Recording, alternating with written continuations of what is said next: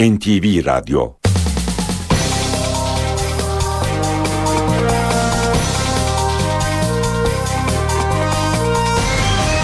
İşe giderken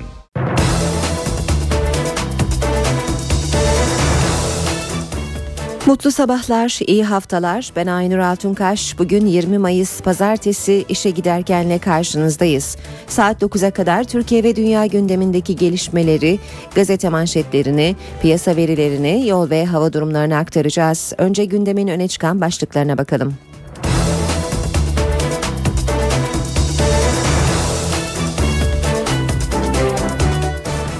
19 Mayıs Atatürk'ü anma Gençlik ve Spor Bayramı tüm yurtta kutlandı. Başkentte etkinliklerin adresi Anıtkabir'di. İstanbul'da da Şişli, Beşiktaş ve Bağdat Caddesi'nde yürüyüşler düzenlendi. 19 Mayıs kutlamaları ile ilgili muhalefetten de bir değerlendirme var. MHP Genel Başkanı Devlet Bahçeli, milli bayramların kutlanmaması için yapay engeller çıkarıldığını söyledi. Başbakan Erdoğan yeni anayasa konusunda uzlaşma olmazsa 2014'te 3 seçim olabilir dedi. Başbakan yardımcısı Beşir Atalay ise yeni anayasayı her şartta 2014'te referanduma götüreceğiz mesajını verdi. Üniversitelerde ve spor karşılaşmalarında artan şiddet olayları hükümeti harekete geçirdi. Üniversite ve stadyumları özel güvenlik görevlileri yerine polisin koruması konusunda yeni adımlar atılacak. Elektronik sınav dönemi başlıyor. ÖSYM Başkanı Ali Demir, konuşma ve dinleme becerilerini de ölçen elektronik sınav yapmayı hedeflediklerini söyledi. Başbakan Yardımcısı Bekir Bozdağ Almanya'da devam eden neonazi davasında Alman yargısının ayrımcılık yaptığını belirtti. Enerji ve Tabi Kaynaklar Bakanı Taner Yıldız, Türkiye'nin Avrupa Birliği'nde en ucuz elektrik kullanan 5. ülke olduğunu söyledi.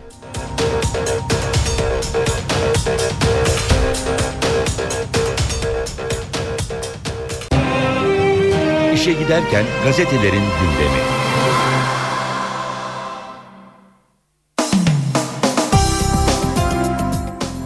Basın özetlerine Milliyet Gazetesi ile başlayacağız. Sandıkta 3-8-11 formülü diyor Milliyet manşette. AK Parti sözcüsü Çelik, yerel seçim Mart'ta, köşk seçimi Ağustos'ta, referandumsa Kasım'da yapılabilir dedi.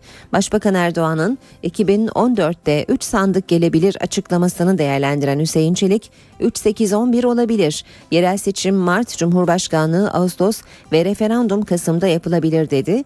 Çelik, Türkiye bir yılda 3 sandığı kaldırabilir olabilir mi sorusunu ise mahalli seçimler net ameli ama referandumda evet veya hayır fazla yük binmeyecek diye konuştu. Bir diğer başlık finansör Amerika'da Reyhanlı saldırısını finanse eden Suriyeli iş adamı Ammar MHA'nın yakalanması için CIA ve FBI ile temasa geçildi. Mehterli 19 Mayıs, 19 Mayıs Atatürk'ü anma Gençlik ve Spor Bayramı her ilde farklı şekilde kutlandı. Ankara'da 20 bin öğrencinin Anıtkabir'e çıkmasıyla başlayan törenler kapsamında Anıttepe Spor Kompleksinde Mehter takımı konser verdi. İstanbul Taksim'de Anıt'a çelenk koyma gerginliği yaşanırken Şişli'de kalabalık bir kortej vardı. İzmir'de Cumhuriyete sahip çıkma yürüyüşü düzenlendi. Cumhuriyet gazetesi de 19 Mayıs kutlamalarını manşetine almış halk buluştu başlığıyla Cumhuriyete sahip çıkan yüz binlerce yurttaş yurdun dört bir yanında alanlarda bir araya gelerek 19 Mayıs'ı coşkuyla kutladı deniyor haberde.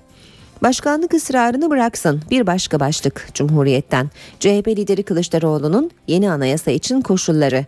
Yeni anayasa için uzlaşmaya hazır olduğunu belirten CHP lideri Kılıçdaroğlu bunun için Başbakan Erdoğan'ın başkanlık ısrarından vazgeçmesi gerektiğini söyledi.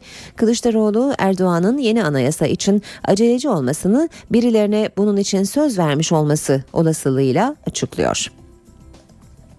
Geçiyoruz Hürriyet'e manşet yer Atina ders Türkçe. İstanbul Rumların torunlarına ilk zil çaldı. Doğdukları topraklardan küskün ayrılıp Yunanistan'a göç eden İstanbullu Rumlar Atina'da doğan torunlarına yeniden Türkçe öğretmeye başladı. İstanbul Rumlar varlık vergisi 6-7 Eylül ve Kıbrıs olaylarının bedelini çok ağır ödedi. Burada Rumca konuştukları için vatandaş Türkçe konuş uyarılarıyla karşılaştılar. Göçtükleri Yunanistan'da ise Türkçe konuşmayın dendi. Küskün Küskünlükleriyle yıllarca Türkçe konuşmadılar, çocuklarına öğretmediler. Yunanistan'da son 15 yılda değişim başladı. Yaz tatillerini İstanbul adalarındaki baba evinde geçirmeye, Atina'daki evlerinde Türk dizileri izlemeye başladılar ve torunlarına Türkçe öğretmenin zamanı geldi. Atina'daki özel dil kursunda dün 400 öğrenci için ilk ders dili çaldı deniyor haberin ayrıntılarında. Bir başka başlık San Francisco'dan Boğaz'a baktı. Başbakan Silikon Vadisi'nde. Dünyaca ünlü bilişim firmalarının bulunduğu San Francisco'daki Silikon Vadisi'ni ziyaret eden Başbakan Erdoğan, sürücüsüz araç ve akıllı gözlük gibi yüksek teknoloji ürünlerini test etti. Erdoğan, Microsoft, Apple ve Google'ı ziyaret etti. Bir başka başlık karı koca ağladılar. David Beckham 38 yaşında futbola veda etti. Kaptan olarak çıktığı son maçta takımı Paris Saint Germain Brest'i 3-1 mağlup etti. Beckham sahayı terk ederken her iki takımın oyuncuları ve taraflar arasında ayakta alkışlandı. Sahada Beckham tribünde eşi Victoria gözyaşlarını tutamadı. Sabahla devam edelim. Azınlıkların dili çözüldü diyor sabah manşetinde. Akil insanlar ayetinin dinlediği azınlık temsilcileri sorun ve taleplerini ilk kez bu kadar özgürce ve cesaretle dile getirdi denmiş haberde. Söz alanlar yeni anayasa ile ilgili taleplerini de doğrudan dile getirme fırsatı buldu. Vakıfların temsilcisi Likis Vingas toplantıyı her vatandaş gibi görüşlerimizin alınması bizi memnun etti. Hükümetin son açılımları çok olumlu. Geleceğe daha umutla bakıyoruz sözleriyle değerlendirdi. Bir başka başlık istifa etmek kaçmak olur. Diktatör Esad diyor e, sabah dünyaya meydan okudu. Kimin gidip kimin kalacağını 2014'teki seçimler belirleyecek.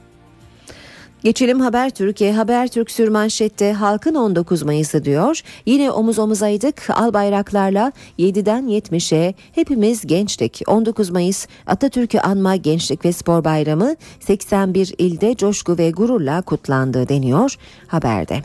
Bir başka haber gökyüzünden acı haber var başlığını taşıyor. Adana'da Havacılık Festivali'nde facia.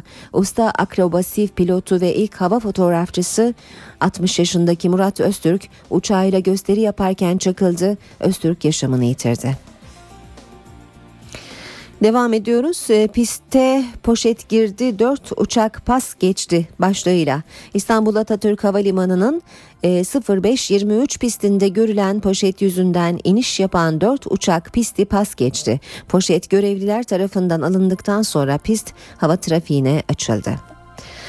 Habertürk'te manşetse İstanbul'a Silikon Vadisi. Erdoğan Amerika'nın bilişim üssü Silikon Vadisi'nde devleri inceledi. Benzer projeyi İstanbul'da gerçekleştirme hedefimiz var dedi. San Francisco'da Silikon Vadisi'ne giden Erdoğan'ı Microsoft'ta CEO Steve Ballmer karşıladı. Başbakan haftaya ihalesi yapılacak Fatih projesi için Ballmer'dan eğitim yazılımı bilgisi aldı. Devam ediyoruz basın özetlerine işe giderken de vatana bakalım. Vatanda Heronlar uçmuyor başlığını manşette görüyoruz. Heron uçuşlarının çekilmeyi yavaşlattığı iddiasını askeri kaynaklar yalanladı. Türk Silahlı Kuvvetleri'ne göre bir haftadır Heronlar uçmuyor. Devam ediyoruz. 3 ee, mevsim 3 sandık başlığıyla Erdoğan 2014'te 3 seçim olabilir dedi. AK Parti'ye göre Mart, Ağustos ve Kasım ayında sandık olabilir. Az önce Milliyet'ten ayrıntılarıyla aktardık haberi Hüseyin Çelik'in açıklamalarıyla. Devam edelim basın özetlerine Zaman Gazetesi'ne bakalım şimdi de. Apartmanlara 23 bin lira risk cezası yolda. İş yerleri ve binalara risk değerlendirmesi mecburiyeti getiren yasa Ocak ayında yürürlüğe girdi. Düzenleme asansör güvenliğinden zemin etütlerine kadar önemli müeyyideler içeriyor. Ancak birçok işletme ve apartman yönetiminin uygulamadan haberi yok. Oysa bu işlemi yaptırmayanlar Mayıs ayı itibarıyla 22.638 lira ceza ile karşı karşıya kalacak. Geçelim Yeni Şafak'a. Yeni Şafak halka arz cumhuriyeti diyor manşette. Devler ortak arıyor. Hükümet Cumhuriyet tarihinin en büyük halka arz projeleriyle vatandaş ve küçük yatırımcıları devlete ortak edecek köprü ve otoyollar, ikinci nükleer santralin de aralarında bulunduğu 8 dev yatırımın halka arzından 34 milyar lira gelir elde edilirken ekonomide refah tabana yayılacak. Sırada Radikal gazetesi var. Ombudsmandan WXQ açılımı diyor manşet. Ombudsman diye bilinen kamu denetçiliği kurumu bir ilke imza attı. İnternet sitesinde başvuru çağrısı yaparken WXQ harflerini kullanarak Kürtçe tanıtıma da yer verdi. Ve akşam gazetesi var sırada. Akşam tövbe edeni affedelim manşetiyle çıkmış çözüm komisyonu üyesi vekilden PKK'lılara formül. Meclis çözüm sürecini değerlendirme komisyonunun AK Partili üyesi Halil Ürün'den tartışılacak öneriler, kayıtlara geçmemişse suç işleyenle işlemeyenin ayırt edilemeyeceğini belirten Ürün, bu durumdaki PKK'lıların Allah'ın adaletine havale edilmesini istedi. Bir başlık daha aktaralım. Güneydoğu'da odalar kapış kapış çözüm süreci ve teşvik yasasıyla başlayan ekonomik canlanmada yeni bir gösterge daha. Türkiye Odalar ve Borsalar Birliği'nin Doğu ve Güneydoğu'daki seçimlerinde aday patlaması yaşanıyor. Hem açık uçlu hem elektronik sınavlara yeni düzen geliyor. ÖSYM Başkanı Profesör Ali Demir'den yeni sınav tüyoları. Çoktan seçmeli sistemin sağlıklı olmadığını belirten Demir, açık uçlu sınavlara geçiş için proje hazırlandığını söyledi. 2-3 bin adayın katıldığı bir denemeden sonra aşamalı olarak sistemin değişebileceğini kaydetti. YDS adı altında birleşen KPDS ve ÜDS'deki ortalamaların normal olduğunu anlattı. YDS'de E-sınava geçileceğini edeceğini açıkladı. Gündemin ayrıntılarıyla işe giderken de birlikteyiz saat 7.17. 19 Mayıs Atatürk'ü anma Gençlik ve Spor Bayramı tüm yurtta coşkuyla kutlandı. Başkentte kutlamaların ilk adresi Anıtkabir'di. Dünyanın dört bir yanından başkente gelen gençler de törenlerde yerini aldı. Gençler ellerinde Türk bayraklarıyla Atatürk'e koştu. 19 Mayıs Atatürk'ü anma Gençlik ve Spor Bayramı'nda kutlamaların ilk durağı Anıtkabir'di. Gençlik ve Spor Bakanı Suat Kılıç gençlerle birlikte Aslanlı Yolda yürüdü. Binlerce genç Atatürk'ün mozelesine çiçek bıraktı. Gençlerin Aslanlı Yoldan başlayan yürüyüşü Anıtkabir'in hemen yanındaki Anıttepe Spor Kompleksine kadar devam etti. Bakan Kılıç Anıtkabir'den tören alanına bir gaziyle el ele yürüdü. Yurt dışından gelen binlerce genç de yöresel kıyafetleriyle kutlama coşkusuna ortak oldu. Kalbimiz çarpıyor, vatan aşkı... Bakan Kılıç törende gençlere seslendi. Biz tek vatan, tek devletiz, tek bayrak, tek milletiz. Türk Cumhuriyetlerinden gelen gençler Suat Kılıç'a güvercin hediye etti. Bakan güvercinleri uçurmak istedi ama olmadı. Ankara'da kutlamalar çeşitli spor etkinlikleri ve dans gösterileriyle devam etti. Başkentteki kutlamaların diğer adresleri ise Sıhhiye Meydanı ve Güven Park oldu. CHP Gençlik Kolları Atatürk posterleri ve 200 metrelik Türk bayrağı eşliğinde Anıtkabir'e yürüdü. On binlerce kişi Atatürk'ün mozelesine kırmızı karanfil bıraktı. 19 Mayıs kutlamaları yurt genelinde coşkuyla geçti. İstanbul Şişli'de binlerce kişi bayram coşkusunu birlikte yaşadı. Antalya, Samsun ve Diyarbakır'da da kutlamalar yapıldı. 19 Mayıs coşkusu tüm yurtta olduğu gibi İstanbul'da da yaşanıyor. Şişli'de Atatürk'ün evinin önünde toplanan binlerce kişi Mecidiyeköy'e doğru yürüyor. İstanbullular bayram heyecanını böyle yaşadı.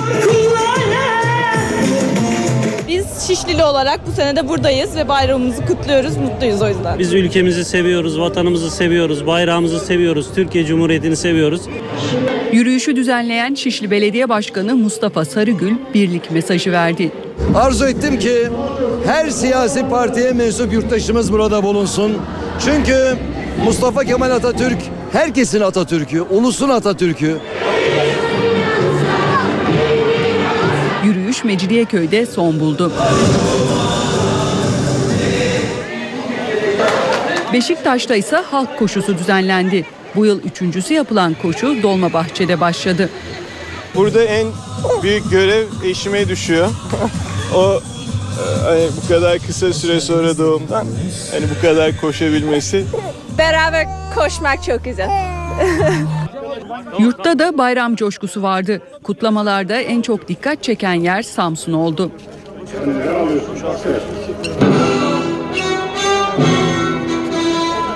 Mustafa Kemal Atatürk'ün Samsun'a çıkışı canlandırıldı. Diyarbakır'daki kutlamaların adresi Dağ Kapı Meydanı oldu.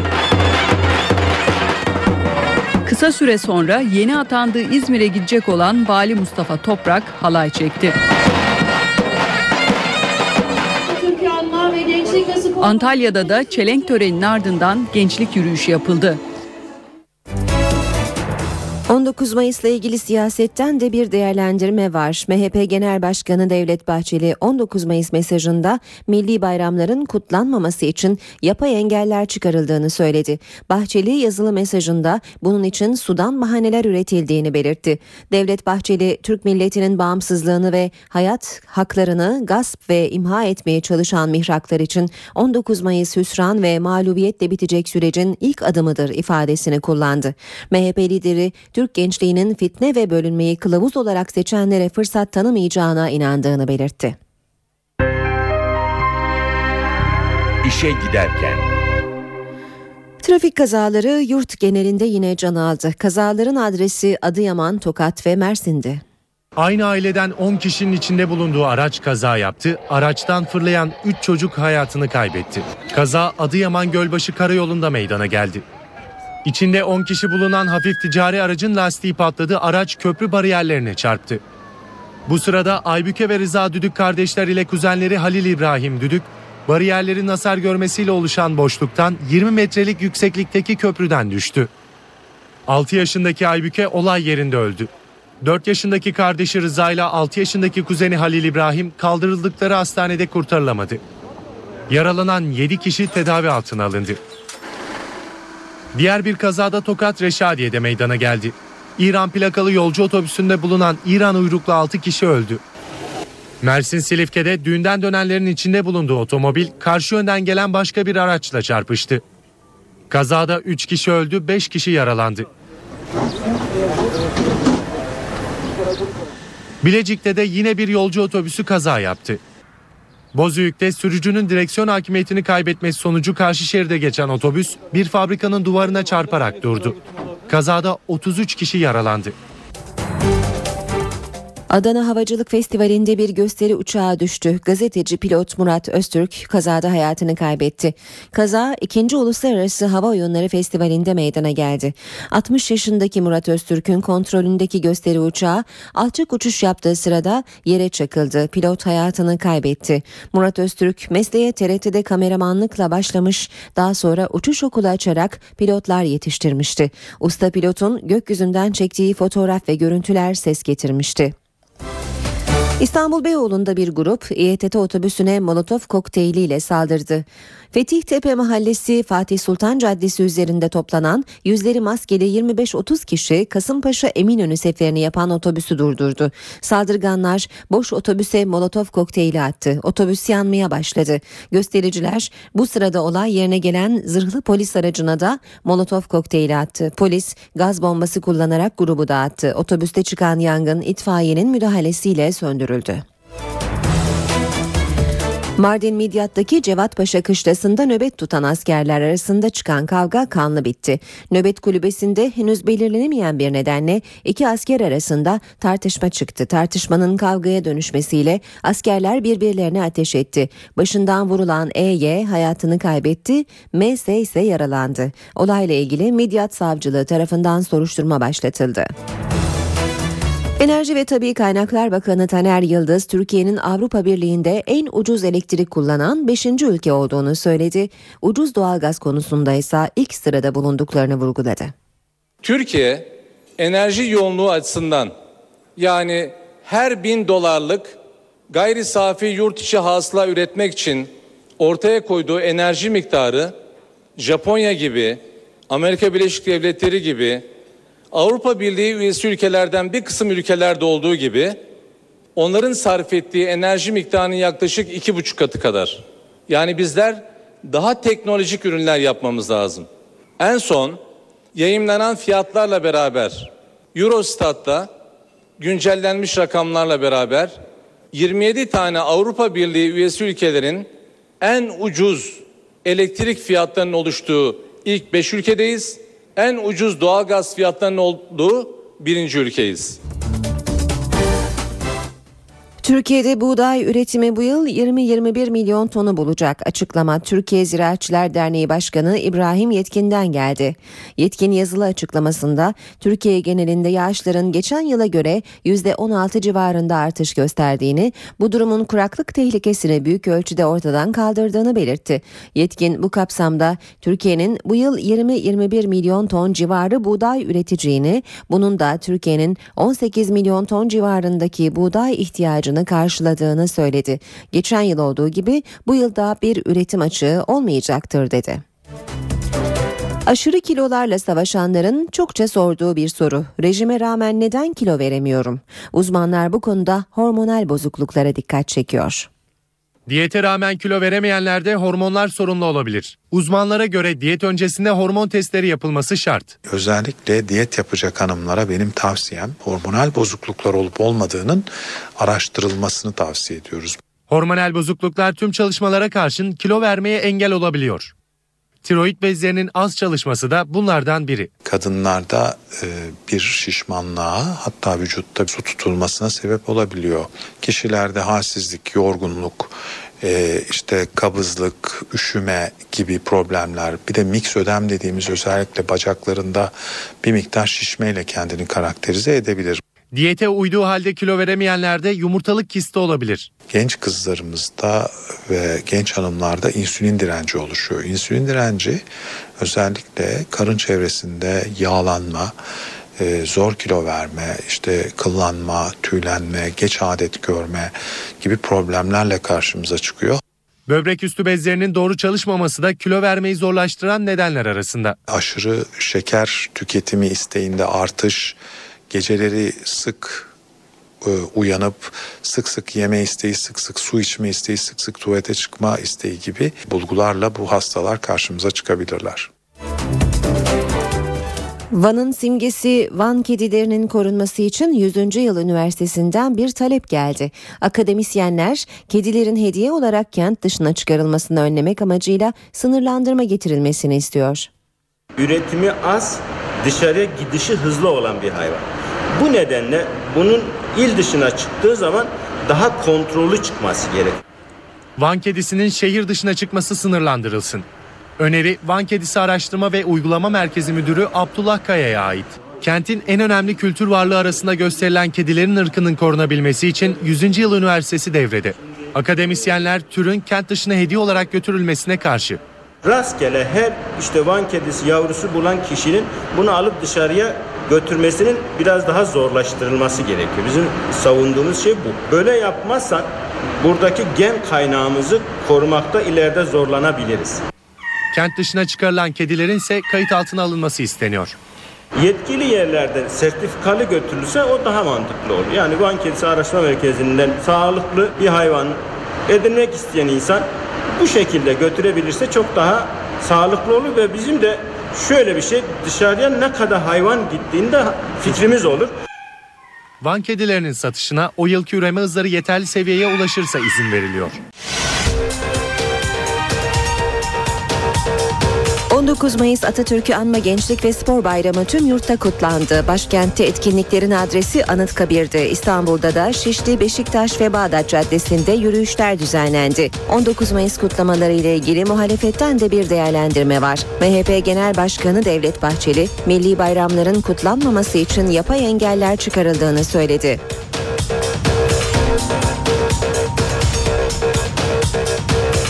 Başbakan Erdoğan yeni anayasa konusunda uzlaşma olmazsa 2014'te 3 seçim olabilir dedi. Başbakan yardımcısı Beşir Atalay ise yeni anayasayı her şartta 2014'te referanduma götüreceğiz mesajını verdi.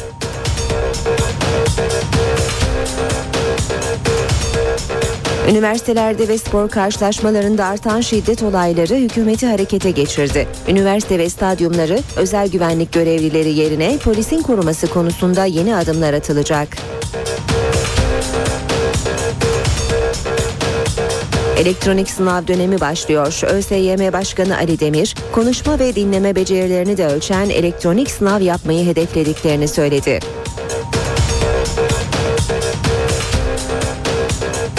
Başbakan yardımcısı Bekir Bozdağ, Almanya'da devam eden neonazi davasında Alman yargısının ayrımcılık yaptığını belirtti.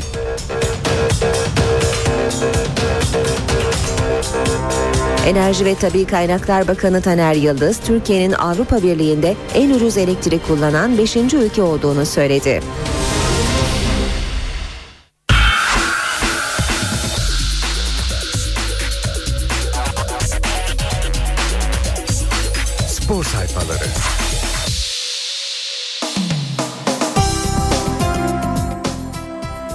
Spor haberleri aktarmaya Habertürk'le başlayacağız. Nokta atış diyor Habertürk Spor'un manşeti. Hücum hattı birbirinden önemli isimlerle dolu olan Galatasaray savunma sorununu da iki yıldızla çözüyor. Fluminense forması altında Brezilya'nın en iyi sol beki olarak sivrildi. Atletik yapısı, hırsı, tatlı sert oyun anlayışıyla dikkat çeken Carlinhos, milli formayı da sırtına geçirdi.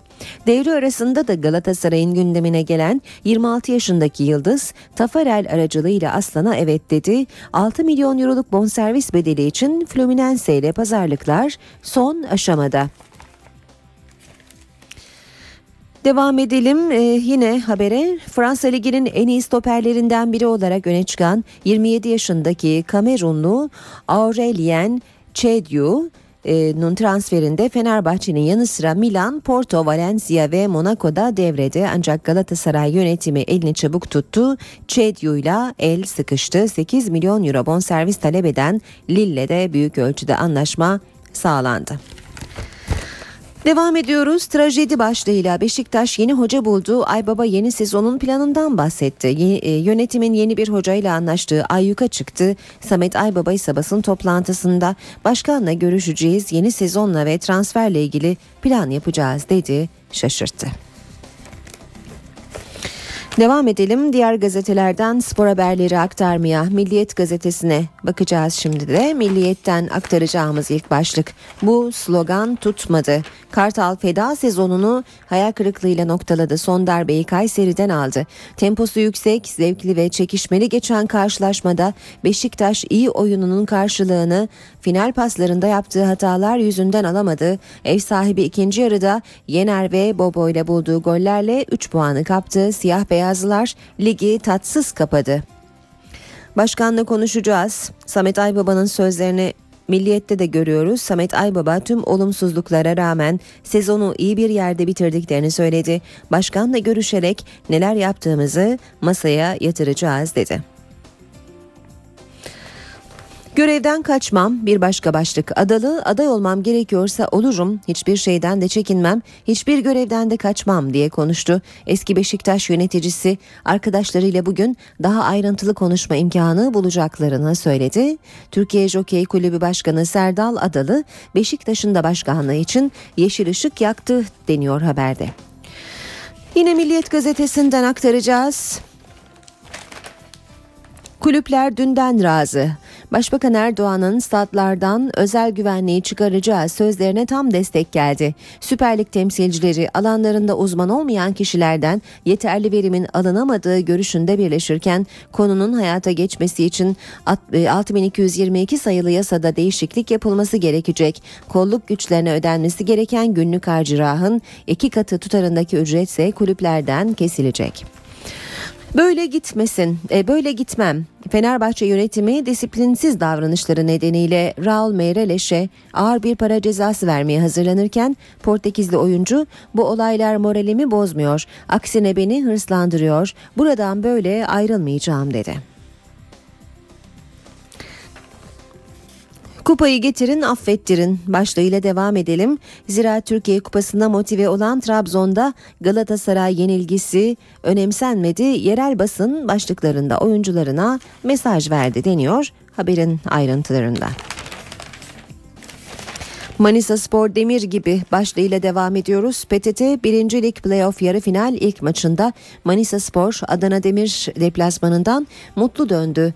İki takımın da 10 kişi tamamladığı mücadelede siyah beyazlıların gollerini Cem Sultan ve Kahe attı. Devlerin e, kader günü başlığıyla devam ediyoruz. Beko Basketbol Ligi playoff çeyrek final serilerinde iki maç oynanacak. Anadolu Efes TED Kolejler deplasmanında Beşiktaş'sa Abdi İpekçi'de Bahmet karşısında mağlup olursa sezonu noktalayacak. Saat 18'de başlayacak TET Ankara Kolejler Anadolu Efes maçı bir diğer maç olan Beşiktaş Banvit'te 20'de Abdi İpekçi'de oynanacak. Milliyetten aktardık spor haberleri son olarak da hürriyete bakacağız. Hürriyetten okuyacağımız ilk başlık işte Fenerbahçe'ye yapılan devlet yardımları. Ünal Aysal son bombayı patlattı. Galatasaray Başkanı elimde belgesi var dediği destekleri açıklamış. Ayrıntılı olarak görüyoruz haberleri. Irkçı derken dön kendine bak başlığıyla devam edelim. Fenerbahçe yönetimi Galatasaray'a çok ağır bir yanıt verdi. Sorular sordu, suçlamalarda bulundu. Sarı lacivertli kulüpten yapılan açıklamada 2000 yılında Galatasaray Siirt Spor müsabakasında sen zavallı kara köle Eğil Efendi'nin önünde saygıyla pankartı kime karşı açılmıştır? 2009 senesinde Galatasaray Sivas Spor müsabakasında Balili'ye yönelik gerçekleştirilen ırkçı söylemler nelerdir denildi. Devam edelim yine Hürriyet gazetesinden aktarmaya. Sezonu birlikte açarız. İnönü stadındaki son maça gelemeyen Cumhurbaşkanı Abdullah Gül'den Fikret Orman'a. Kayseri Havalimanı'nda siyah beyazlı kulübün başkanı ile karşılaşan Abdullah Gül, inşallah yeni stadyumun açılışında Beşiktaş'ı hep birlikte izleriz temennisinde bulundu.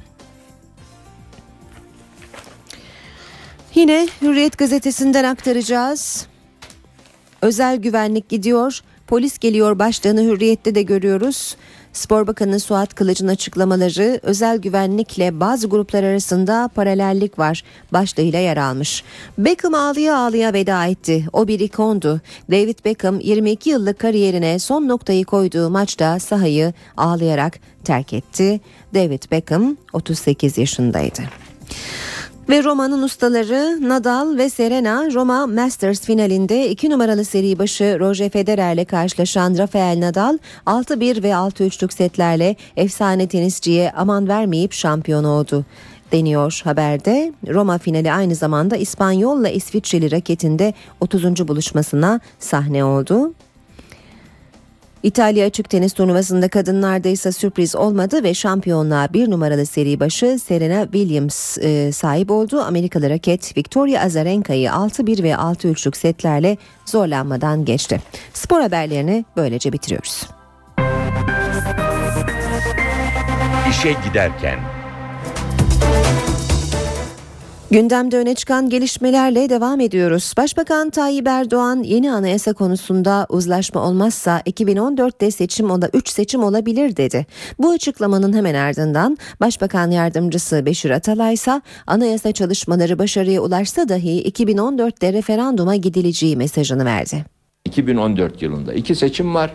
Bir yerel seçim, iki cumhurbaşkanlığı seçimi. Eğer anayasada yürür, çalışmaları yürürse, verimli olursa başarıya ulaşırsa bir de anayasa referandumu. Yeni anayasa için son sözü halk söyleyecek.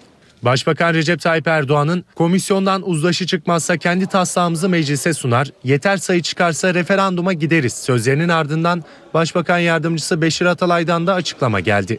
Atalay uzlaşma komisyonundan ortak metin çıksa da referanduma gidilebileceği sinyalini verdi. Yeni anayasanın uzlaşma komisyonunda gerçekten e, tamamlanması için olanca tavizi verdik, veriyoruz. E, daha Haziran sonuna kadar tabii süre var. E, inşallah orada bir e, uzlaşma sağlanır. Yeni anayasayı yapmadan bu parlamentonun e, yeni bir seçime girmesini gönlümüz arzu etmiyor. Atalay komisyonda uzlaşma sağlanamazsa hükümetin B planının hazır olduğunu da vurguladı. Biz zaten kendi anayasa taslağımızı büyük oranda hazırlamış olduk. Onu da zaten meclise de sunduk. E, dolayısıyla bizim anayasayla ilgili doğrusu çok çalışmamız var. Ama bu süreç bitmeden başka planlardan söz etmek çok gerekli değil. Onu çok etikte bulmuyoruz. Ama bu şu demek değil. Bizim B planımız olmayacak demek değil. Üniversite ve stadyumlara özel güvenlik yerine polis geliyor. Konuyu ilk kez Başbakan Erdoğan Amerika gezisi sırasında dile getirdi. Ayrıntıları ise Gençlik ve Spor Bakanı Suat Kılıç açıkladı. Üniversitelerimizin özel güvenlik şirketleri vardır. Belki orada da özel güvenlik yerine e, polis ikameyi ve polislerimizin görev yapmasını e, ve stadyumlar içinde aynı şekilde o tür bir e, düşüncemiz var. Üniversitelerde ve spor karşılaşmalarında artan şiddet olayları hükümeti harekete geçirdi. Üniversite kampüslerinde ve stadyumlarda özel güvenlik görevlerinin yerini polis alacak.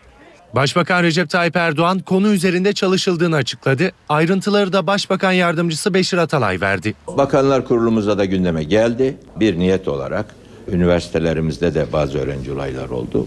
Bunu asla müsaade etmeyeceğiz. Gençlik ve Spor Bakanı Suat Kılıç da özel güvenlikten kaynaklanan sorunları anlattı. Stadyumlarda yaşanan bazı olaylarda özel güvenlik birimleri ile bazı gruplar arasında paralellikler olabileceği hususu dikkatimizi çekti. Özel güvenlik marifeti ile mevzuatı uygulamakta zorlanıyoruz. Bakan Kılıç çalışmaların yeni sezona yetiştirilebileceğini söyledi. Üniversite ve statlarda görevlendirilecek polislere farklı yönde eğitim verilmesini önerdi. Polis eğitim süreçleriyle ilgili kurumların, polis akademisinin e, bu amaç doğrultusunda dizayn edilmesi gerekebilecek. Ama e, bu uygulama trafik ekiplerinin stadyuma maç günü çekilmesi şeklinde bir uygulama değil. Sosyal ve toplumsal olaylara ayrı polis gruplarının farklı eğitim süreçlerinden sonra müdahale etmesi gibi farklı bir durum, farklı bir konsept. Elektronik sınav dönemi başlıyor. ÖSYM Başkanı Ali Demir konuşma ve dinleme becerilerini ölçen elektronik sınav yapmayı hedeflediklerini söyledi. Ali Demir sınavlarda test usulü yerine ucu açık sorular sorulabileceğini de belirtti. Uygulaması kısmen kolay olan bir Ölçme, Seçme ve Yerleştirme Merkezi Başkanı Ali Demir yeni bir sınav sisteminin sinyalini verdi. Yabancı dil açısından konuşma ve dinleme becerilerinin ölçülmesi gerektiğini vurgulayan Demir, bu nedenle gelecek sene ve sonrasında elektronik sınav yapmayı hedeflediklerini söyledi. ÖSYM Başkanı sınavlarda bir başka yenilikten daha söz etti. Çoktan seçmeli soru sistemi yerine açık uçlu sorular hazırlanması için çalışma yaptıklarını vurguladı. Gerekli olan eğitimleri dünya çapındaki kurum ve kuruluşlardan destekler alarak yaptık. Hedefimiz önce 2-3 bin adayın katıldığı bir deneme sınavı şeklinde veya bir kurum sınavı şeklinde bunu gerçekleştirmek. Burada bir deneyim yaşamak ve bu seçeneği kamuoyuna zaman içerisinde sunmak. Kamuoyu, eğitim kurumları, bakanlıklar, yükseköğretim kurulu bu tekniği benimsediğinde biz bunu aşama aşama e, uygulamaya geçirebiliriz diye düşünüyoruz. Çoktan seçmeli sınavların robotlaşmaya yönelik bir teknik olduğunu savunan Demir, gelişmiş ülkelerde bu sistem yerine yazı yazmayı, şekil çizmeyi özendiren açık uçlu sınav sistemlerinin uygulandığını vurguladı. Akil insanlar Güneydoğu Anadolu heyeti bölgedeki temaslarını bitirmek üzere heyet üyeleri 9 kentteki izlenimlerini aktardı. Destekler anketlerde %80 falan deniyor. Benim ölçüme göre %110'a doğru gidiyor. Akil İnsanlar Heyeti üyesi Yılmaz Erdoğan'a göre Güneydoğu Anadolu'daki teröre çözüm sürecine destek tahminlerinde üstünde. Erdoğan sürecin herkesi mutlu ettiğini söyledi. İnsanların soruları var. Hafızaları taze ama olandan da çok memnunlar. Çünkü onlar ne olduğunu burada iyi yakından gördüler, yaşadılar. Akil İnsanlar Güneydoğu Anadolu heyeti bölgedeki temaslarını bitirmek üzere. Son olarak Şanlıurfa'da görüşmeler yapan heyetin başkanı Yılmaz Ensaroğlu izlenimlerini aktardı. Ziyaret ettiğimiz 9 il ve birkaç ilçede e, aşağı yukarı çözüm sürecine destek anlamında pek bir farklılık yok. Bir takım endişeler taşıyan insanlar da e, tam destek verenler de ikircikli olanlar da hem de hemen herkeste sorunun çözülmesine yönelik olarak destek konusunda bir e, farklı yaklaşım, farklı eğilim yok. Ancak farklı illerdeki farklı siyasi kesimlerde özellikle öncelikler değişebiliyor.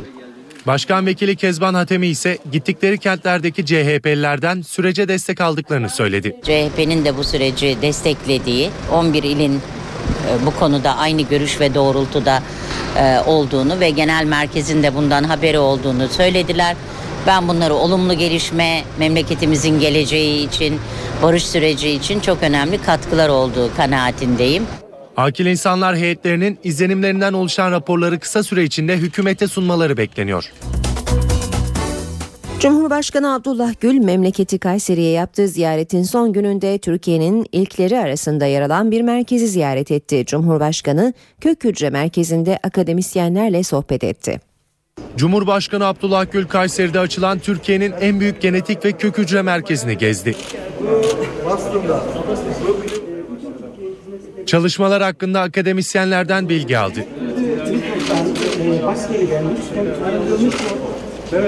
Erciyes Üniversitesi bünyesinde kurulan merkezde Türkiye'nin ilk gen tedavisi ünitesi hizmet verecek. Hastalara hem kök hücre tedavisi uygulanacak hem de hücredeki genetik deformasyonlar tedavi edilecek. 400 araştırmacının görev yapacağı merkezde kök hücre anabilim dalı da kuruldu. Üniversite öğrencilerine mezuniyet sonrası eğitim verilecek. Cumhurbaşkanı daha sonra inşası süren Abdullah Gül Üniversitesi Mimar Sinan yerleşkesinde incelemeler yaptı. İçinde Luna Park, hayvanat bahçesi, buz pisti ve yüzme havuzu bulunan Anadolu Harikalar Diyarı'nı gezdi. NTV Radyo Günaydın herkese yeniden ben Aynur Altunkaş. Yeni saate hava durumuyla gireceğiz Gökhan Abur yanımızda ama önce gündemin başlıklarını hatırlayalım.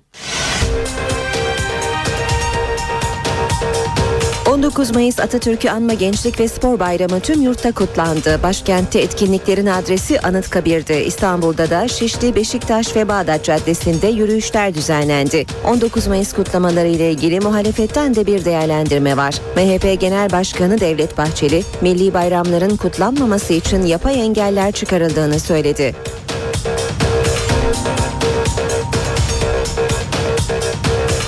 Başbakan Erdoğan yeni anayasa konusunda uzlaşma olmazsa 2014'te 3 seçim olabilir dedi. Başbakan yardımcısı Beşir Atalay ise yeni anayasayı her şartta 2014'te referanduma götüreceğiz mesajını verdi.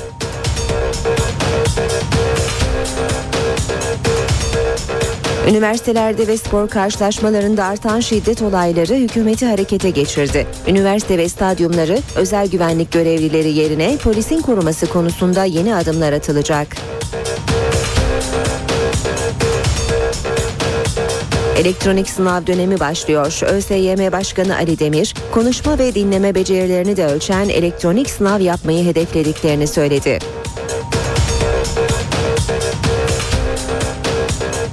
Başbakan Yardımcısı Bekir Bozdağ, Almanya'da devam eden neonazi davasında Alman yargısının ayrımcılık yaptığını belirtti.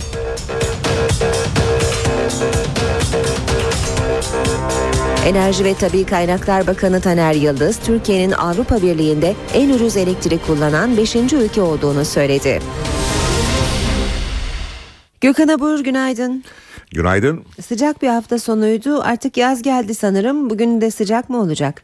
Evet ülke geneline baktığımızda hakikaten bugün de sıcaklıklar Akdeniz boyunca 33-34 derecelere, Ege'de 31-32'lere, Marmara'nın güneyinde yine 29-30-31 derecelere çıkacak. İstanbul'da bugün beklediğimiz sıcaklık 28-29 derece. Geceler ısınmaya başladı.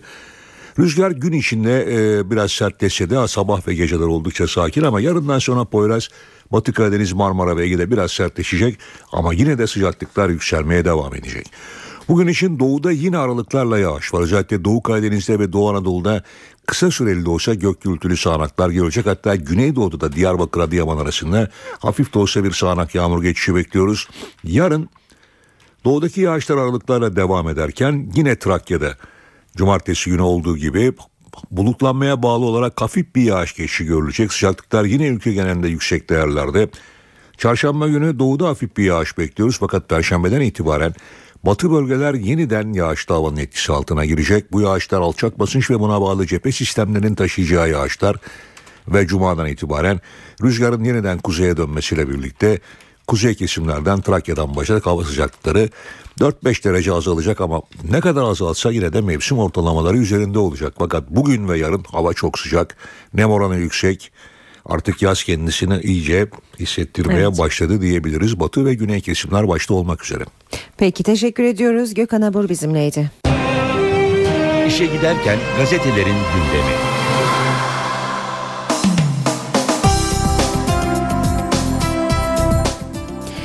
Basın özetlerine Milliyet Gazetesi ile başlayacağız. Milliyet'te manşet sandıkta 3-8-11 formülü. AK Parti sözcüsü Çelik yerel seçim Mart'ta, köşk seçimi Ağustos'ta, referandumsa Kasım'da yapılabilir dedi. Başbakan Erdoğan'ın 2014'te 3 sandık gelebilir açıklamasını değerlendiren Hüseyin Çelik 3-8-11 olabilir. Yerel seçim Mart, Cumhurbaşkanlığı Ağustos ve referandum Kasım'da olabilir dedi. Çelik, Türkiye bir yılda 3 sandık sandığı kaldırabilir mi sorusunu ise mahalli seçimler net ameli ama referandumda evet veya hayır fazla yük binmeyecek diye yanıtladı. Yine milliyetten bir başlık Reyhanlı saldırısını finanse eden Suriyeli iş adamı Ammar MHA'nın yakalanması için CIA ve FBI ile temasa geçildiğini haber veriyor. Finansör Amerika'da. Bir diğer haber Mehterli 19 Mayıs başlığını taşıyor. 19 Mayıs Atatürk'ü anma Gençlik ve Spor Bayramı her ilde farklı şekilde kutlandı. Ankara'da 20 bin öğrencinin Anıtkabir'e çıkmasıyla başlayan törenler kapsamında Anıttepe Spor Kompleksinde Mehter takımı konser verdi. İstanbul Taksim'de Anıt'a çelenk koyma gerginliği yaşanırken Şişli'de kalabalık bir kortej vardı. İzmir'de Cumhuriyete sahip çıkma yürüyüşü düzenlendi. Büyük aşkı uğruna öldü. Başlığını yine milliyetten aktaralım. Gazeteci pilot Öztürk'ü kaybettik. Gökyüzünden çektiği fotoğraflarla Türk basınının efsanelerinden biri olan Murat Öztürk, Adana'da akrobasi uçuşu yaparken çakılan uçağında yaşamını yitirdi. Röportajlarında aşkla uçuyorum diyen Öztürk, geçen yıl aynı şekilde ölümden dönmesine rağmen sevdasından vazgeçmemişti. 12 yıl milliyet için haber peşinde uçan Öztürk'ün babası Kemal Ziya Öztürk de uçak kazası kurbanıydı. Geçelim Hürriyet gazetesine. Hürriyet, Yaratina ders Türkçe diyor manşette İstanbul Rumların torunlarına ilk zil çaldı. Doğdukları topraklardan küskün ayrılıp Yunanistan'a göç eden İstanbul Rumlar, Atina'da doğan torunlarına yeniden Türkçe öğretmeye başladı.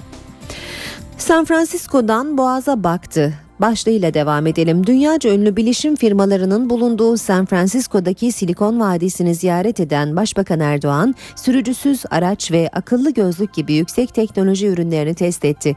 Erdoğan, Microsoft, Apple ve Google'ı ziyaret etti. Karı koca ağladılar. David Beckham 38 yaşında futbola veda etti. Kaptan olarak çıktığı son maçta takımı Paris Saint Germain, Brest'i 3-1 mağlup etti. Beckham sahayı terk ederken her iki takımın oyuncuları ve taraftar tarafından ayakta alkışlandı. Sahada Beckham tribünde eşi Victoria gözyaşlarını tutamadı. Cumhuriyet gazetesiyle devam ediyoruz. Halk buluştu diyor Cumhuriyet manşetinde. Cumhuriyete sahip çıkan yüz binlerce yurttaş yurdun dört bir yanında alanlarda bir araya gelerek 19 Mayıs'ı coşkuyla kutladı. Bir başka haber başkanlık ısrarını bıraksın başlığını taşıyor. CHP lideri Kılıçdaroğlu'nun yeni anayasa için koşulları. Yeni anayasa için uzlaşmaya hazır olduğunu belirten CHP lideri Kılıçdaroğlu bunun için Başbakan Erdoğan'ın başkanlık ısrarından vazgeçmesi gerektiğini söyledi. Geçiyoruz Radikal gazetesine. Radikal'de manşet Ombudsman'dan XQ açılımı. Ombudsman diye bilinen kamu demet denetçiliği kurumu bir ilke imza attı. İnternet sitesinde başvuru çağrısı yaparken WXQ harflerini kullanarak Kürtçe tanıtıma da yer verdi. Sırada Sabah gazetesi var. Azınlıkların dili çözüldü diyor Sabah manşette. Akil insanlar heyetinin dinlediği azınlık temsilcileri sorun ve taleplerini ilk kez bu kadar özgürce ve cesaretle dile getirdi deniyor haberin ayrıntılarında. Yine e, basın özetleriyle e, devam edelim. Sırada Habertürk gazetesi var. Habertürk'te sürmanşet halkın 19 Mayıs'ı. Yine omuz omuzaydık. Al bayraklarla 7'den 70'e hepimiz gençtik. 19 Mayıs Atatürk'ü anma Gençlik ve Spor Bayramı 81 ilde coşku ve gururla kutlandı deniyor haberde. Manşet ise İstanbul'a Silikon Vadisi. Erdoğan Amerika Birleşik Devletleri'nin bilişim üssü Silikon Vadisi'nde devleri inceledi. Benzer projeyi İstanbul'da gerçekleştirme hedefimiz var dedi. San Francisco'da Silikon Vadisi'ne giden Erdoğan'ı Microsoft'ta CEO Steve Ballmer karşıladı. Başbakan haftaya ihalesi yapılacak Fatih projesi için Ballmer'dan eğitim yazılımı bilgisi aldı. Google'dan İstanbul'a bakış diyor. Başbakan Erdoğan Google'ın self-driving car diye anılan sürücüsüz otomobiline bindi. Google Earth programıyla uydudan İstanbul'u izledi. Yine e, basın özetlerine devam ediyoruz. Akşam gazetesi var sırada. Akşam tövbe edeni affedelim diyor manşette. Çözüm komisyonu üyesi vekilden PKK'lılara formül. Meclis çözüm sürecini değerlendirme komisyonunun AK Partili üyesi Halil Ürün'den tartışılacak öneriler. Kayıtlara geçmemişse suç işleyenle işlemeyenin ayırt edilemeyeceğini belirten Ürün, bu durumdaki PKK'lıların Allah'ın adaletine havale edilmesini istedi deniyor haberin ayrıntılarında. Vatan gazetesiyle devam edeceğiz. Heronlar uçmuyor diyor Vatan manşette. Heron uçuşlarının çekilmeyi yavaşlattığı iddiasını askeri kaynaklar yalanladı. Türk Silahlı Kuvvetleri'ne göre bir haftadır Heronlar uçmuyor. Yeni Şafak'la devam edeceğiz. Yeni Şafak'ta manşet halka arz cumhuriyeti. Devlet ortak arıyor. Hükümet Cumhuriyet tarihinin en büyük halka arz projeleriyle vatandaş ve küçük yatırımcıları devlete ortak edecek. Köprü ve otoyollar ikinci nükleer santralinde aralarında bulunduğu 8 dev yatırımın halka arzından 34 milyar lira gelir elde edilirken ekonomide refah tabana yayılacak. Zaman gazetesine de bakalım. Apartmanlara 23 bin lira risk cezası yolda diyor zaman. İş yerleri ve binalara risk değerlendirmesi mecburiyeti getiren yasa Ocak ayında yürürlüğe girdi. Düzenleme asansör güvenliğinden zemin etütlerine kadar önemli müeyyideler içeriyor. Ancak birçok işletme ve apartman yönetiminin uygulamadan haberi yok. Oysa bu işlemi yaptırmayanlar Mayıs ayı itibarıyla 22.638 lira ceza ile karşı karşıya kalacak. Ankara gündemi.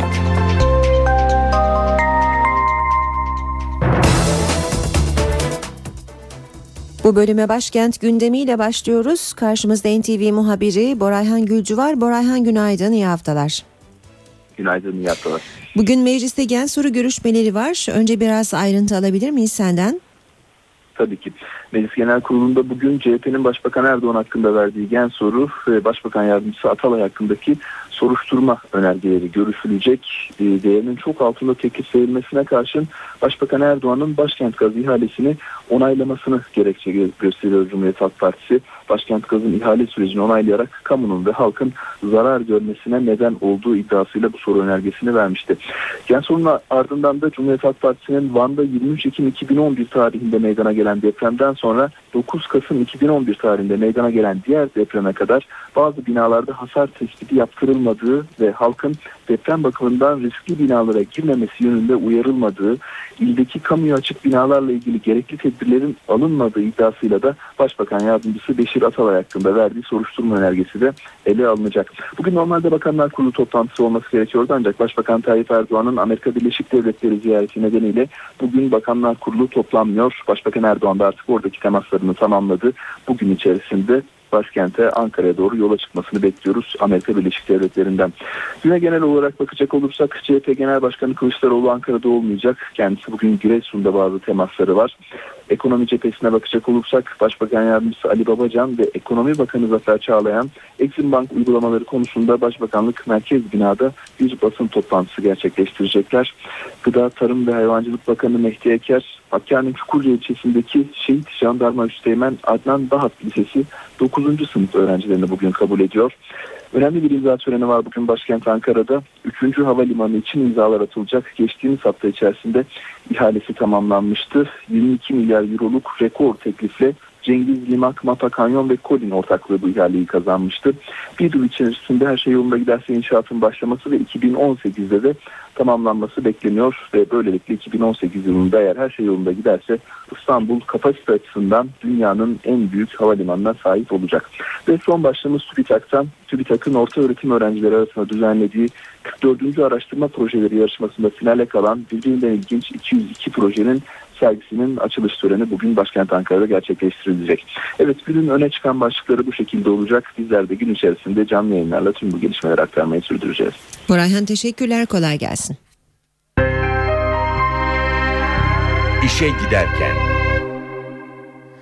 Gündemdeki diğer gelişmelerle devam edelim. Suriye ordusu muhaliflerin kontrolündeki Kuseyr kasabasına saldırı başlattı. Haftalardır kuşatma altındaki kasabanın merkezinde kontrolün orduya geçtiği belirtiliyor.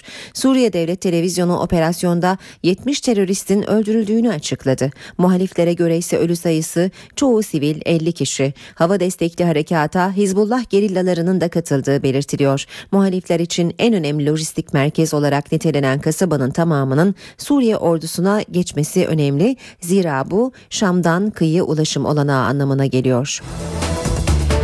Suriye Devlet Başkanı Beşar Esad görevimin başındayım dedi. Bir Arjantin gazetesine konuşan Esad geleceğini seçimlerin belirleyeceğini söyledi. Amerika Birleşik Devletleri ve Rusya'nın Suriye konusunda Cenevre'de konferans düzenleme çabalarının ardından ilk defa açıklamalarda bulunan Esad, geleceğin, geleceğini konferansların değil Suriye halkının seçimlerde belirleyeceğini söyledi.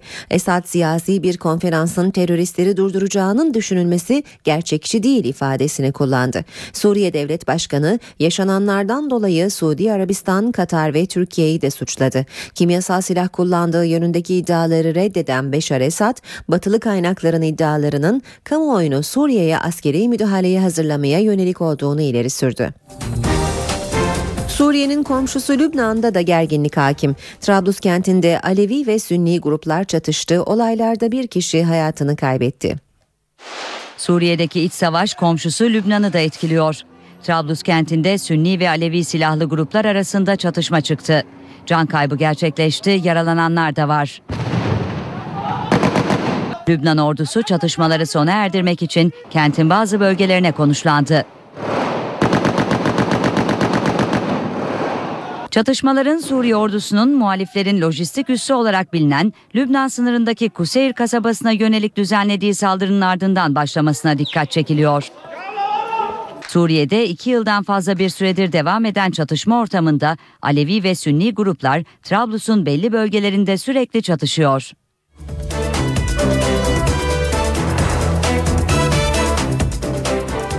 Çin'de görülen kuş gribinin yeni türünün insandan insana geçme ihtimalinin daha yüksek olduğu açıklandı. Çin ve Dünya Sağlık Örgütü'nün ortaklaşa hazırladığı raporda H7N9 virüsünün diğer kuş gribi türlerine göre daha kısa sürede bulaştığı ve genetik değişimler gösterebildiği belirtildi. Çin'deki ilk vaka geçen Mart'ta ortaya çıktı. Kuş gribi virüsü 130 kişide görülürken bunlardan 35'i hayatını kaybetti. İşe giderken. Enerji ve Tabi Kaynaklar Bakanı Taner Yıldız, Türkiye'nin Avrupa Birliği'nde en ucuz elektrik kullanan 5. ülke olduğunu söyledi. Ucuz doğalgaz konusunda ise ilk sırada bulunduklarını vurguladı. Türkiye enerji yoğunluğu açısından yani her bin dolarlık gayri safi yurt içi hasıla üretmek için ortaya koyduğu enerji miktarı Japonya gibi, Amerika Birleşik Devletleri gibi Avrupa Birliği üyesi ülkelerden bir kısım ülkelerde olduğu gibi onların sarf ettiği enerji miktarının yaklaşık iki buçuk katı kadar. Yani bizler daha teknolojik ürünler yapmamız lazım. En son yayınlanan fiyatlarla beraber Eurostat'ta güncellenmiş rakamlarla beraber 27 tane Avrupa Birliği üyesi ülkelerin en ucuz elektrik fiyatlarının oluştuğu ilk 5 ülkedeyiz en ucuz doğalgaz fiyatlarının olduğu birinci ülkeyiz. Aşırı kilolarla savaşanların çokça sorduğu bir soru. Rejime rağmen neden kilo veremiyorum? Uzmanlar bu konuda hormonal bozukluklara dikkat çekiyor. Diyete rağmen kilo veremeyenlerde hormonlar sorunlu olabilir. Uzmanlara göre diyet öncesinde hormon testleri yapılması şart. Özellikle diyet yapacak hanımlara benim tavsiyem hormonal bozukluklar olup olmadığının araştırılmasını tavsiye ediyoruz. Hormonal bozukluklar tüm çalışmalara karşın kilo vermeye engel olabiliyor. Tiroid bezlerinin az çalışması da bunlardan biri. Kadınlarda e, bir şişmanlığa hatta vücutta su tutulmasına sebep olabiliyor. Kişilerde halsizlik, yorgunluk, e, işte kabızlık, üşüme gibi problemler bir de mix ödem dediğimiz özellikle bacaklarında bir miktar şişmeyle kendini karakterize edebilir. Diyete uyduğu halde kilo veremeyenlerde yumurtalık kisti olabilir. Genç kızlarımızda ve genç hanımlarda insülin direnci oluşuyor. İnsülin direnci özellikle karın çevresinde yağlanma, e, zor kilo verme, işte kıllanma, tüylenme, geç adet görme gibi problemlerle karşımıza çıkıyor.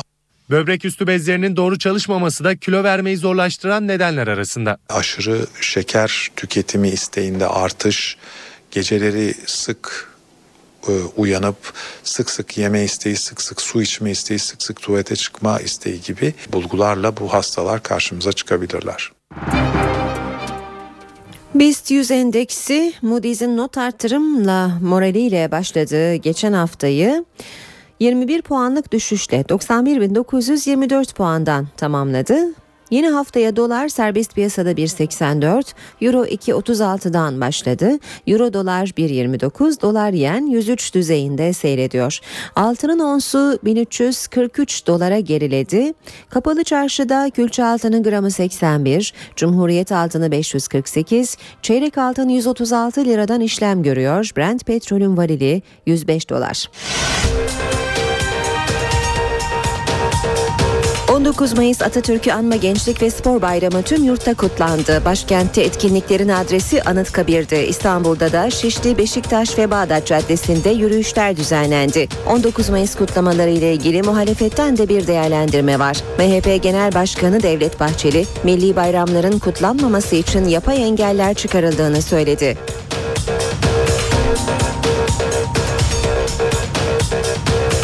Başbakan Erdoğan yeni anayasa konusunda uzlaşma olmazsa 2014'te 3 seçim olabilir dedi. Başbakan yardımcısı Beşir Atalay ise yeni anayasayı her şartta 2014'te referanduma götüreceğiz mesajını verdi.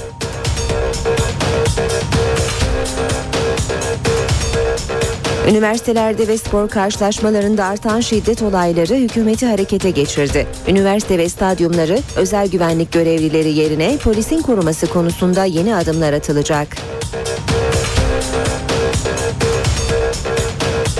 Elektronik sınav dönemi başlıyor. ÖSYM Başkanı Ali Demir, konuşma ve dinleme becerilerini de ölçen elektronik sınav yapmayı hedeflediklerini söyledi.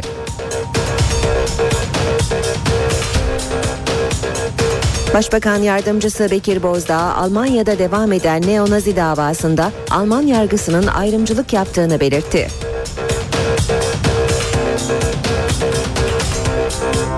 Enerji ve Tabi Kaynaklar Bakanı Taner Yıldız, Türkiye'nin Avrupa Birliği'nde en ucuz elektrik kullanan 5. ülke olduğunu söyledi.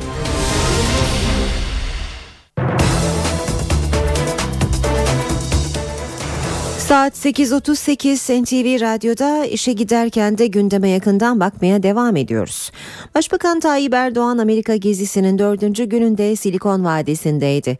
Dünyanın önde gelen teknoloji firmalarını ziyaret eden başbakan şoförsüz otomobille gezdi, göz bebeği komutuyla kişisel mailleri kontrol eden gözlüğü inceledi. Başbakan Recep Tayyip Erdoğan Kuzey Kaliforniya'da teknolojinin kalbi olarak bilinen Silikon Vadisi'ni ziyaret ediyor.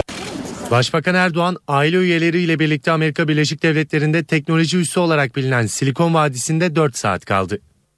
Microsoft'a gelişinde şirketin CEO'su Steve Ballmer tarafından karşılanan başbakan Google Maps isimli programla İstanbul'u izledi. Erdoğan daha sonra Apple'da incelemelerde bulundu. Erdoğan ailesinin son durağı Google'dı. Google'ın sürücüsüz otomobilini inceleyen başbakan, kızı Sümeyye Erdoğan ve AK Parti Grup Başkan Vekili Ayşenur Bahçekapılı ile birlikte araca bindi ve bir tur attı. Göz bebeği komutuyla kişisel mailleri kontrol eden gözlüğü de inceleyen Erdoğan'ın Silikon Vadisi'ni gezmesinin bir amacı vardı. Bizim e, bu proje benzeri bir adımı da İstanbul'da ilk etapta atma gibi bir hedefimiz var. Başbakan San Francisco temasları sırasında kentte yaşayan Türk ve Amerikan İslam topluluğu temsilcileriyle de bir araya geldi. Suçu hep başkalarında arayarak mesafe almamız mümkün değildir. Bu yüzden İslam dünyasının ciddi bir muhasebeye, silkinişe ve uyanışa ihtiyacı vardır. Erdoğan, Birleşmiş Milletler Güvenlik Konseyi'nin reforme edilmesi gerektiğini de yineledi. Başbakan Tayyip Erdoğan yeni anayasa konusunda uzlaşma olmazsa 2014'te 3 seçim olabilir dedi. Bu açıklamanın hemen ardından Başbakan Yardımcısı Beşir Atalay ise anayasa çalışmaları başarıya ulaşsa dahi 2014'te referanduma gidileceği mesajını verdi. 2014 yılında iki seçim var.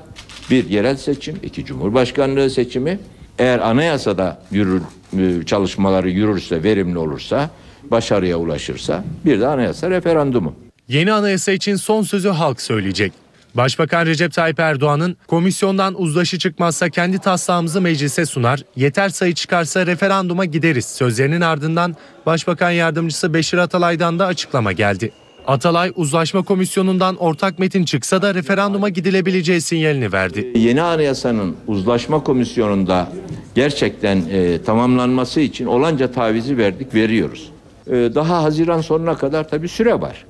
E, inşallah orada bir e, uzlaşma sağlanır. Yeni anayasayı yapmadan bu parlamentonun e, yeni bir seçime girmesini gönlümüz arzu etmiyor. Atalay komisyonda uzlaşma sağlanamazsa hükümetin B planının hazır olduğunu da vurguladı. Biz zaten kendi anayasa taslağımızı büyük oranda hazırlamış olduk. Onu da zaten meclise de sunduk. Ee, dolayısıyla bizim anayasayla ilgili doğrusu çok çalışmamız var. Ama bu süreç bitmeden başka planlardan söz etmek çok gerekli değil. Onu çok etikte bulmuyoruz. Ama bu şu demek değil. Bizim B planımız olmayacak demek değil. İşe giderken. Pakistan'da muhalefet partisi Pakistan Adalet Hareketi'nin kadın başkan yardımcısı silahlı saldırıda öldürüldü.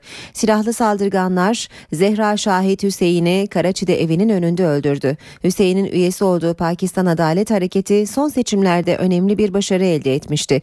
Polise göre kadın politikacı çantasını almak isteyen bir gasp çetesi tarafından öldürüldü. Parti lideri İmran Hansa yardımcısının öldürülmesinden Karaçi'nin en güçlü partisi Birleşik Millet Hareketi'ni sorumlu tuttu. Halkın haftalardır tuvalet kağıdı yokluğuyla mücadele ettiği Venezuela'da hükümet çareyi acil ithalat yapmakta buldu. Yeni ürünlerin gelmesiyle birlikte halk marketlere akın etti. Venezuela halkının sıra dışı bir yoklukla mücadelesi mutlu sonla bitti. Haftalardır süren tuvalet kağıdı yokluğunun ardından köşeye sıkışan hükümet 50 milyon top tuvalet kağıdı ithal edeceğini açıkladı. İthal stokların ulaşmasıyla müşteriler marketlere akın etti, bazı marketler satışlara kota koydu. Ülkede tuvalet kağıdının yanı sıra süt, tereyağı ve kahve gibi diğer temel tüketim maddelerinin tedariğinde de sıkıntı yaşanıyor. Venezuela halkı durumdan şikayetçi. Bizim gibi zengin bir ülkenin bunları yaşamaması lazım. Venezuela tarihinde ilk kez böyle bir durum yaşanıyor. Böylesi temel maddeleri bulmakta sıkıntı yaşıyor olmamız utanç verici. Ekonomistler temel maddelerdeki tedarik sıkıntısını Venezuela hükümetinin fiyat ve döviz denetimine bağlıyor. BBC Türkçe servisinin gözünden İngiltere basınındaki gelişmelere bakalım. Financial Times gazetesi yazarı David Gardner, Türkiye'nin Kuzey Irak yönetimiyle petrol ve doğal gaz anlaşması yapma planlarını Osmanlı sonrası düzenin sona ermesinin işareti olarak yorumluyor. Bu planlar nedeniyle Ankara'nın özellikle Amerika Birleşik Devletleri tarafından Irak'ın bölünmesiyle sonuçlanabilecek bir kumar oynamakla suçlandığını belirten yazar özetle şöyle devam ediyor. Ama Irak'ın bölünmesi Suriye'deki iç savaşın etkisiyle Orta Doğu'daki parçaların dağılması ile ilgili tartışmanın sadece bir parçasını oluşturuyor. Savaş Suriye'nin kuzeydoğusundaki Kürt bölgesinin elini güçlendirdi ve bu durum Türkiye'yi kendi Kürtleriyle barışmaya ve Iraklı ve Suriyeli Kürtleri ekonomik açıdan dinamik Türk nüfuz alanına çekmeye sevk etti. Independent gazetesi Suriye'deki savaşın Lübnan'a sıçradığını ve Esad yönetimine destek veren Hizbullah'ın isyancıların elindeki Kuseyir kentinde büyük bir saldırı düzenlediğini aktarıyor.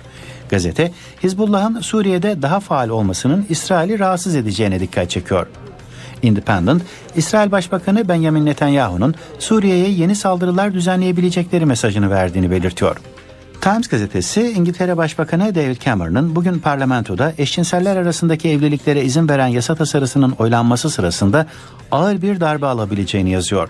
Gazeteye göre başbakanı parti tabanından uzaklaşmakla suçlayan 150'den fazla muhafazakar parti milletvekili tasarıya muhalefetlerini ortaya koymak için heteroseksüel çiftlere nikah kıymadan evliliktekine eş haklar verilmesini öngören bir değişiklik önergesi sunacak. Bu milletvekilleri eşcinsel çiftlerin halihazırda bu hakka sahip olduğunu, bu kişilerin evliliklerine de izin verilmesi halinde medeni birliktelik hakkı olmayan çiftlere haksızlık yapılacağını savunuyor. Gecikmeye gerekçe olarak eşcinsel ve heteroseksüel çiftlere yönelik düzenlemelerin aynı anda yürürlüğe girmesi zorunluluğu gösteriliyor. Independent gazetesinin manşetinde de Avrupa Birliği tartışması var. Gazeteye göre ülkenin en büyük iş adamlarından ikisi Virgin Group'un icra kurulu başkanı Richard Branson'la çok uluslu reklam ve halkla ilişkiler şirketi WPP'nin icra kurulu başkanı Martin Sorrell, Independent için ortak kalem aldıkları bir yazıda İngiltere'nin Avrupa Birliği'nde kalması gerektiğini vurguluyor. İş adamları Başbakan Cameron'a aksine Avrupa ile bağları daha da güçlendirmesi çağrısında bulunuyor. İşe giderken böylece sona eriyor. Ben Aynur Altunkaş saat başında gelişmelerle yeniden buluşmak üzere. Hoşçakalın. NTV Radyo